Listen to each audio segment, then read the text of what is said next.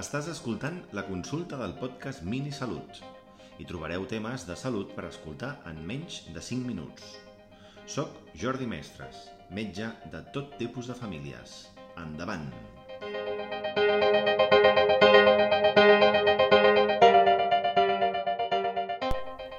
Aquests dies s'han activat diverses alertes per onades de calor.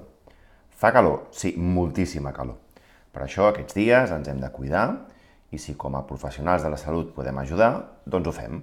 Aquí va una mica d'educació sanitària relacionada amb els temes de la calor. Les recomanacions bàsiques són conegudes, però val la pena recordar-les. Vigileu amb el sol directe, sobretot en les hores de major intensitat de calor sota el sol, de 12 a 4 de la tarda. Si esteu a casa, mantingueu-la aerejada dintre de les vostres possibilitats. Utilitzeu les cortines i persianes per evitar que s'escalfi durant les hores de major intensitat. Eviteu fer activitat física en les hores de major intensitat del sol o sota el sol directe. Busqueu zones de sombra.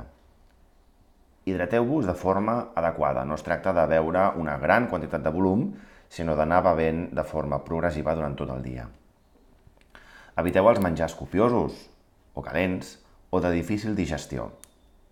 Vigileu i tingueu cura dels més vulnerables, com els infants, la gent gran o persones que tinguin patologies cròniques que es poguessin descompensar per l'efecte de la calor.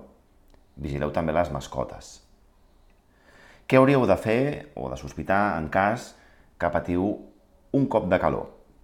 Vigileu que no aparegui pell vermella o molt calenta, que hi hagi un increment de temperatura corporal no justificada per cap altre motiu, que aparegui mal de cap, que hi hagi el pols accelerat o bé dèbil, i que hi hagi certa confusió o fins i tot pèrdua de consciència.